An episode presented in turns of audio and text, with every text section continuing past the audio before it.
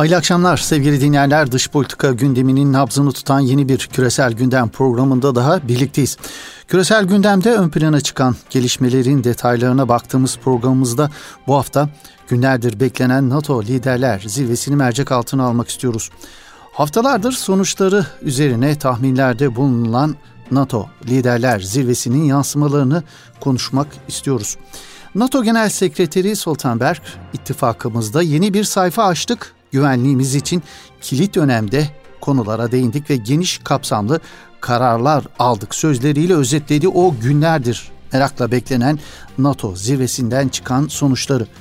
NATO ittifakına ilişkin gerçekten de yeni bir sayfanın açıldığı söylenilebilir mi?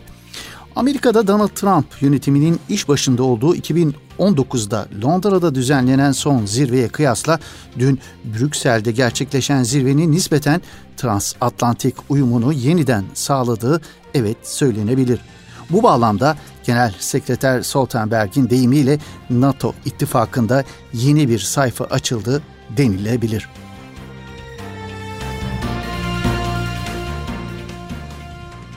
ABD Başkanı Joe Biden'ın Avrupa'ya yanınızdayız mesajı verdiği zirvenin ortak sonuç bildirgesinde Rusya'nın agresifliği yine ortak tehdit olarak nitelendirildi.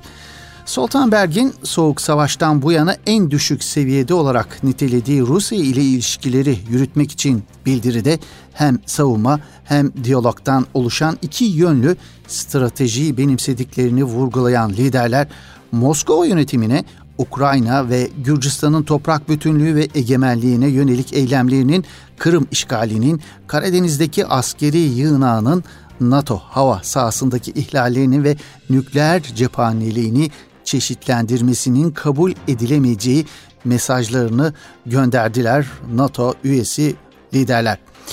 Evet, zirvede ittifakın 10 yıllık yol haritası olma özelliğini taşıyan NATO 2030 belgesi de kabul edildi. Liderlerin ortak bildirisi ve söylemlerine yansıyan en dikkat çekici unsur ise Çin ile ilgiliydi sevgili dinleyenler. Rusya'dan sonra Çin tehdidi de belgeye girmiş oldu. Zirvenin ardından yayınlanan sonuç bildirgesinde Çin'in davranışları sisteme bir meydan okuma olarak tanımlandı.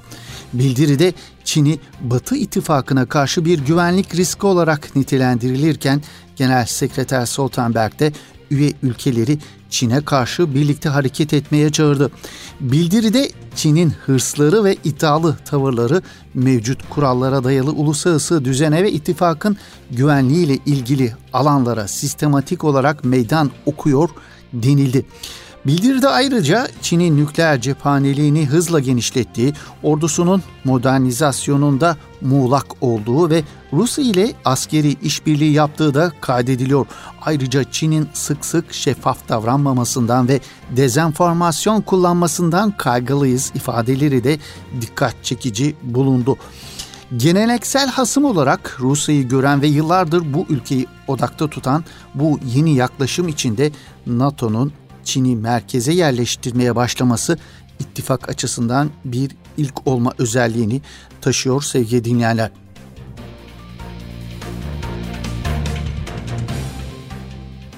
Bildirgenin yayınlanmasından saatler sonra Çin'in Brüksel'deki Avrupa Birliği temsilciliği NATO'yu Çin'in barışçıl kalkınmasını kötülemek için iftira atmakla suçladı ve Çin'in savunma politikasının doğal olarak savunmada olduğunu belirten bir açıklama yayınladı.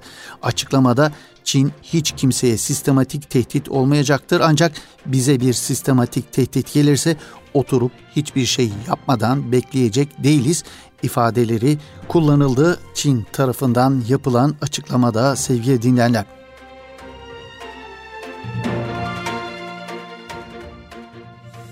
Türkiye için önem arz eden konular da bildiriye yansıdı. Zirvenin ardından yayınlanan bildiride Türkiye için güvenlik tedbirlerine katkılarımızı artırdık.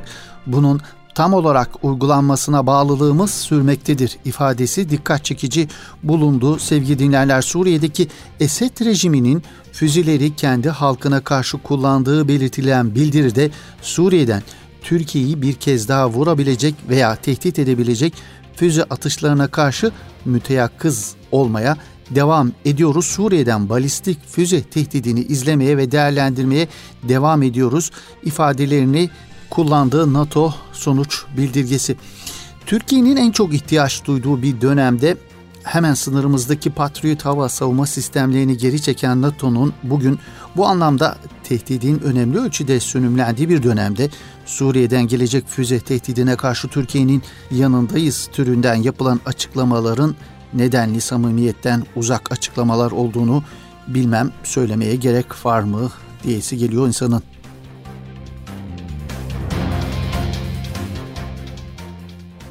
Öte yandan ABD Başkanı Biden'ın NATO zirvesinin sonuç bildirgesinin hedefindeki Rusya lideri Putin ile yarın gerçekleştireceği görüşmeden ne çıkacağı küresel gündemde cevabı aranan sorular arasında yer aldı.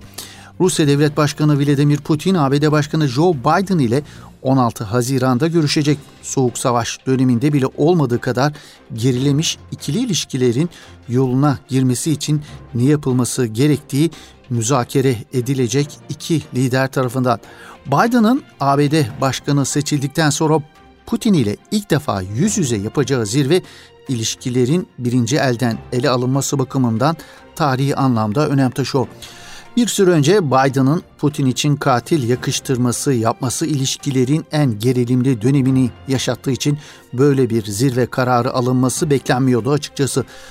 Biden'ın söz konusu ifadesine karşılık Putin gerilimin tarafı olmak istememiş diplomatik bir cevap vererek kötü söz sahibinin halinde bir açıklamada bulunmuştu Putin. Kırım'ı yasa dışı ilhak ettiği için 2014'ten bu yana Batı ülkeleri tarafından yaptırımlara tabi tutulan Rusya, ekonomik olarak daha fazla zarar görmemek için gerilimin tarafı olmak istemiyor yorumunda bulunulmuştu. Petrol ve doğalgaz zengini Rusya'ya karşı söz konusu yaptırımlar ABD ve Batı müttefikleri tarafından koordineli biçimde devam ettiriliyor. ABD'nin yaptırımlarının Rusya ekonomisine yıllık maliyetini ölçmek petrol fiyatlarındaki dalgalanmalar nedeniyle kolay olmasa da belirli göstergeler ülkenin milyarlarca dolar kaybettiğine işaret ediyor.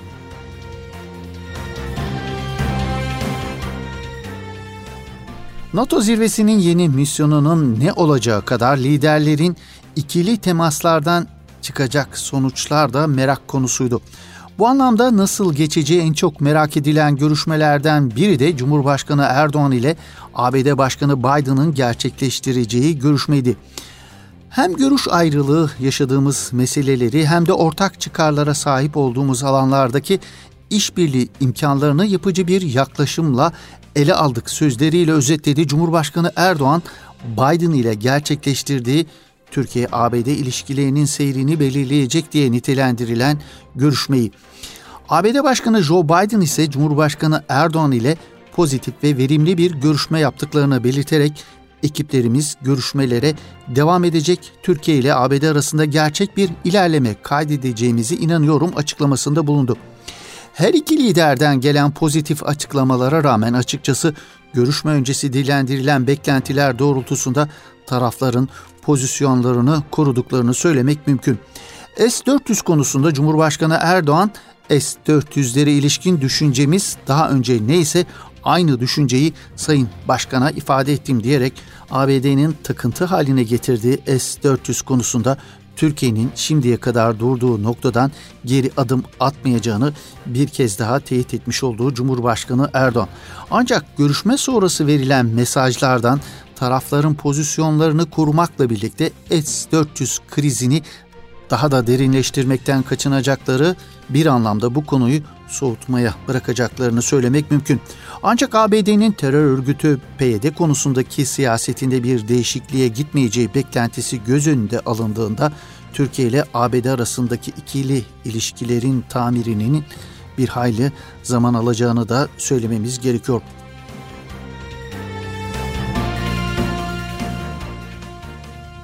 Tayyip Erdoğan ile ABD Başkanı Joe Biden'ın buluşması dünya medyası tarafından da ilgiyle takip edildi. ABD'nin önde gelen gazetelerinden Wall Street Journal, iki liderin olumlu mesajlarını manşetine taşıdı.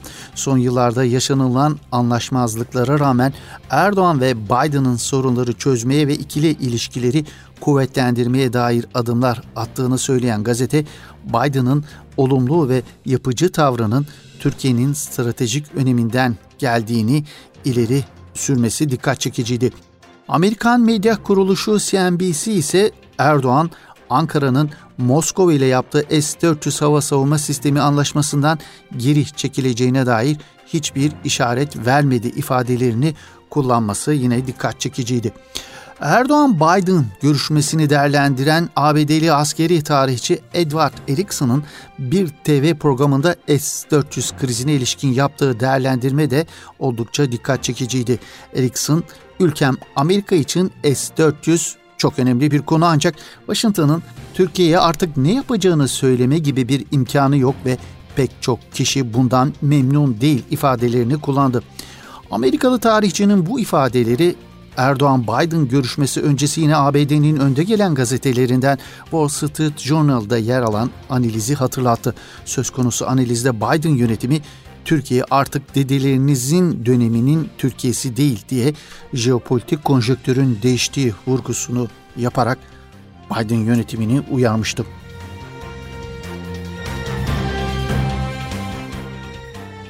NATO Liderler Zirvesi öncesi Cumhurbaşkanı Erdoğan'ın Avrupalı liderlerle gerçekleştirdiği görüşmeler NATO zirvesi gündeminin bir diğer önemli yönünü oluşturuyordu.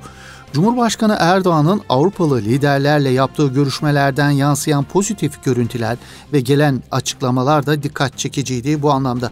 Ki bu görüşmelerden biri de Türkiye'ye ve Sayın Erdoğan'a yönelik agresif bir söylemle politika izleyen Fransa Cumhurbaşkanı Emmanuel Macron'la gerçekleşen görüşmeydi. Cumhurbaşkanı Erdoğan'ın Macron ile gerçekleştirdiği görüşmede Libya, Suriye, Doğu Akdeniz gibi iki ülke arasında gerilim kaynağı olan konulara da değinilirken Macron'un İslam dinine yönelik bakışı görüşmede netleştirilmeye çalışılan başlıklar arasında yer aldı. Cumhurbaşkanı Erdoğan görüşmede Macron'un kendisine İslam karşıtı anlaşılmaların yanlış olduğunu, kendisinin İslam'a karşı olmasının mümkün olmadığını ısrarla söylediğini vurguladı Erdoğan. Yine Erdoğan Macron'dan bundan sonraki süreçte bunları tavzih edecek açıklamalarda bulunulması gerektiğini kendisine ilettiğini vurguladı Erdoğan. Uluslararası analizlerde ilişkilerin diyalog yoluyla ilerletilmesi konusunda her iki tarafında istekli olması ve bu yönde irade beyanında bulunulmasına dikkat çekiliyor. Macron 52 dakika süren temasa ilişkin sosyal medya mesajında ise Erdoğan'la açıklık ve saygı ile ilerlemek için uzun bir baş başa görüşme yaptıklarını belirtti. Evet tabii önemli olan Macron'un bu pozitif yaklaşımının sahaya ne şekilde yansıyacağı önemli. Bekleyip göreceğiz sevgili dinleyenler.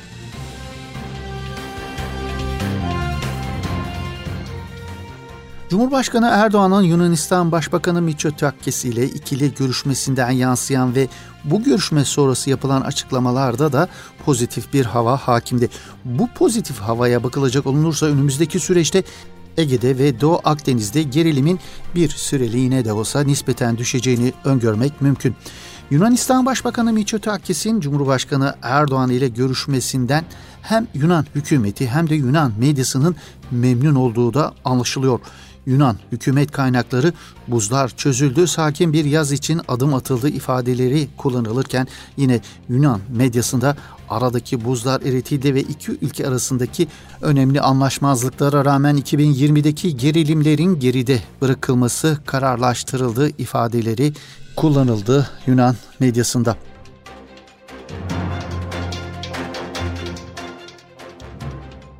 NATO zirvesinin önemli gündem maddelerinden biri de Amerika Birleşik Devletleri'nin asker çekmesinin ardından Afganistan'da NATO'nun misyonunun ne olacağı meselesi idi sevgili dinleyenler. NATO Genel Sekreteri Stoltenberg'in ittifak üyelerinin Amerikan güçlerinin Afganistan'dan çekilmesinden sonra Kabil Havalimanı'nın kim tarafından korunacağı konusunda bir karar vermediklerini belirtmişti.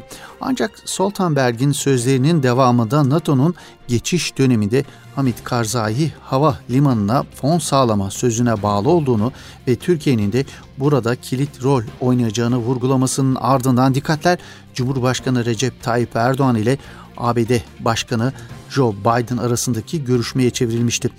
Cumhurbaşkanı Erdoğan'ın Biden'la yaptığı 50 dakikalık görüşme sonrasında NATO ittifakının başını çeken Amerika ile Afganistan konusunda bir mutabakata varılabileceği anlaşılıyor.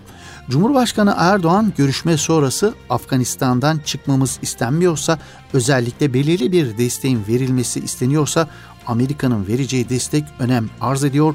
Afganistan'da Pakistan'ı da Macaristan'ı da yanımızda alabiliriz. Şu an itibariyle bir mutabakat söz konusu, bir sıkıntı söz konusu değil ifadelerini kullanmıştı. Evet bölgesel ve küresel güçlerin güç mücadelesine sahne olan Afganistan önümüzdeki süreçte de küresel gündemde daha bir ön planda olacak gibi duruyor. Afganistan'da yaklaşık 20 yıldır konuştuğu bulunan Amerikan güçleri ve NATO 1 Mayıs'ta başlattığı çekilme sürecini devam ettiriyor. ABD güçlerinin 11 Eylül'e kadar kademeli olarak ülkeyi terk etmesi planlanıyor. ABD 2001 yılında 11 Eylül saldırılarından sorumlu tuttuğu El-Kaide örgütü ve lideri Usame Bin Laden'i sorumlu tutmuş ve Bin Laden'in burada koruma altında olduğu gerekçesiyle Afganistan'a önce hava sonra da kara operasyonu başlatarak Afganistan'ı işgal etmişti. Aradan geçen 20 yılın ardından çekilmenin başladığı bu dönemde en önemli gündem maddesi başta Kabil olmak üzere Afganistan'daki kritik noktaların güvenliği oluşturuyor. Zira Afganistan'da hala Taliban etkili bir güç pozisyonda. Taliban kısa bir süre içinde başkent Kabil'i bırakarak dağlara çekilse de hiçbir zaman tam olarak bitirilemedi ve zamanla yeniden güç kazandı. ABD'nin çekilmesinin ardından Taliban ile merkezi hükümet arasındaki çekişmenin büyümesi öngörülüyor. Nitekim Birleşmiş Milletler yayınladığı bir raporuna göre Afganistan'daki ilçe merkezlerinin %65'inin Taliban tarafından kontrol edildiğini söylüyor.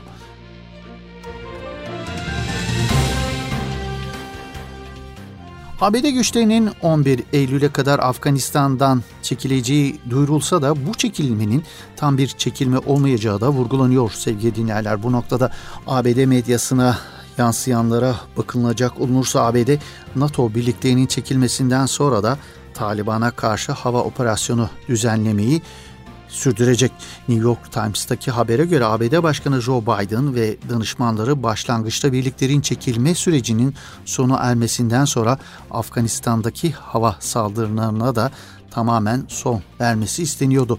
Washington'ın Afganistan'a yönelik aldığı kararı neden değiştirdiği henüz net şekilde bilinmiyor ancak uluslararası kamuoyunun meşgul eden bu gelişmeyi değerlendiren siyasi analistler Biden yönetiminin kararının henüz netleştirmediğinin altını çiziyorlar.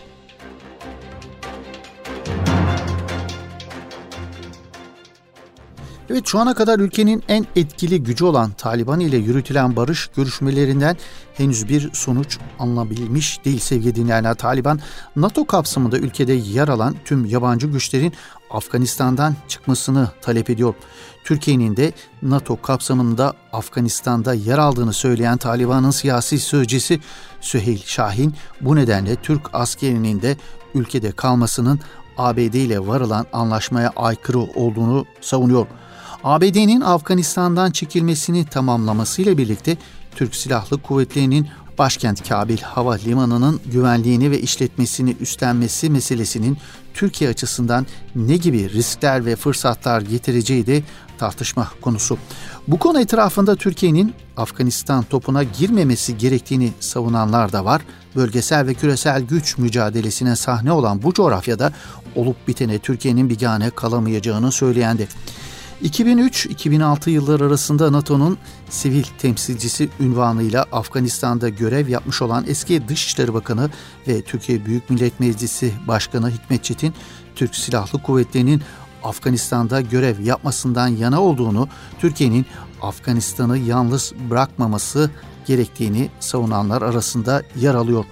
Hürriyet gazetesinden Sedat Ergin'e konuşan Hikmet Çetin, ABD'nin taahhüt ettiği Eylül ayında çekilmesiyle birlikte önümüzdeki dönemde çok sıkıntılı bir dönemin başlayacağını tahmin etmek hiç de güç değil ifadelerini kullanıyor Afganistan'ın geleceğine ilişkin olarak. Ardından Taliban'ın geçiş hükümetine katılarak iktidarı paylaşmaya başlayacağını ve bu durumun daha sonra da devam edeceğini hatırlatıyor. Bu geçiş hükümetinin nasıl kurulacağı çok zor bir mesele. Ülkenin adının ne olacağı bile müzakereye açık duruyor. Durum o kadar karışık ki bir istikrar tablosu görünmüyor ifadelerini kullanıyor. Afganistan'ın geleceğine ilişkin olarak Hikmet Çetin. Çetin geçiş dönemi ve sonrasında karşılaşılabilecek sorunlarla ilgili uzun bir dökümde çıkartıyor. Taliban güçleri ile geride bıraktığımız dönemde şekillenen ordu ve polis gücünün nasıl birlikte çalışacakları en zor sorulardan birini oluşturuyor diyor. Yine Çetin'e göre muhakkak Pakistan'ı da Afganistan'da çözümün bir parçası olarak görmek gerektiğini de vurguluyor. NATO'nun eski Afganistan temsilcisi ülkenin ayakta kalabilmesini sağlamak üzere bir ekonomik yardım paketine ihtiyaç duyacağına da dikkat çekiyor. Özellikle Afgan ordusu paralı askerlik esasına göre kurulduğu için ordunun finansmanı da önemli bir kaynak ihtiyacı yaratacak. Her halükarda Afganistan için ciddi boyutlarda bir fon oluşturması gerekecektir diyor Çetin. Bu noktada yine ABD'ye rol düşebileceğini belirtiyor. Çetin Türkiye ile ABD arasında görüşülmekte olan Kabil Havalimanı'nın güvenliği ve işletmenin yeni dönemde TSK tarafından üstlenilmesi konusunda ise belirli şartların karşılanması halinde bu görevi en iyi yapabilecek ülkenin Türkiye olduğunu ve TSK'nın da bu görevde çok başarılı olacağını düşündüğünü vurguluyor. Peki Kabil Havalimanı'nın güvenliği hangi şartlarda üstlenilebilir? Çetin bu noktada Türkiye'nin görevi üstlenirken Taliban'ın onayının alınması gerektiğini belirtiyor. Taliban'ın onayı olmadan gidilmesi sıkıntılı olacaktır diye vurguluyor. Bütün yabancı güçler çekildikten sonra ikili bir anlaşma çerçevesinde uluslararası bir kimliğin dışında bağımsız bir kimlikte Afganistan'a gidilebileceğini belirten Çetin, böyle bir durumda NATO ve BM gibi kurumların Türkiye'ye destek olması yararlı olacağının da altını çiziyor.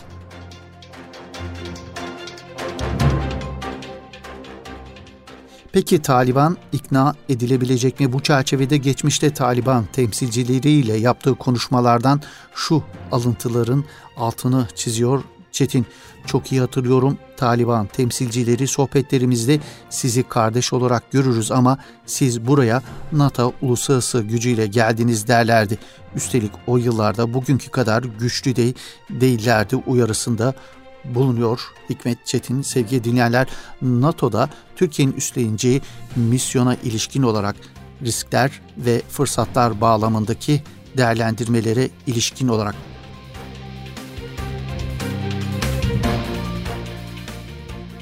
Evet, böylelikle bir küresel gündemin daha sonuna gelmiş bulunuyoruz sevgili dinleyenler. Yeni bir küresel gündem programında buluşmak ümidiyle. Hoşçakalın, iyi akşamlar efendim.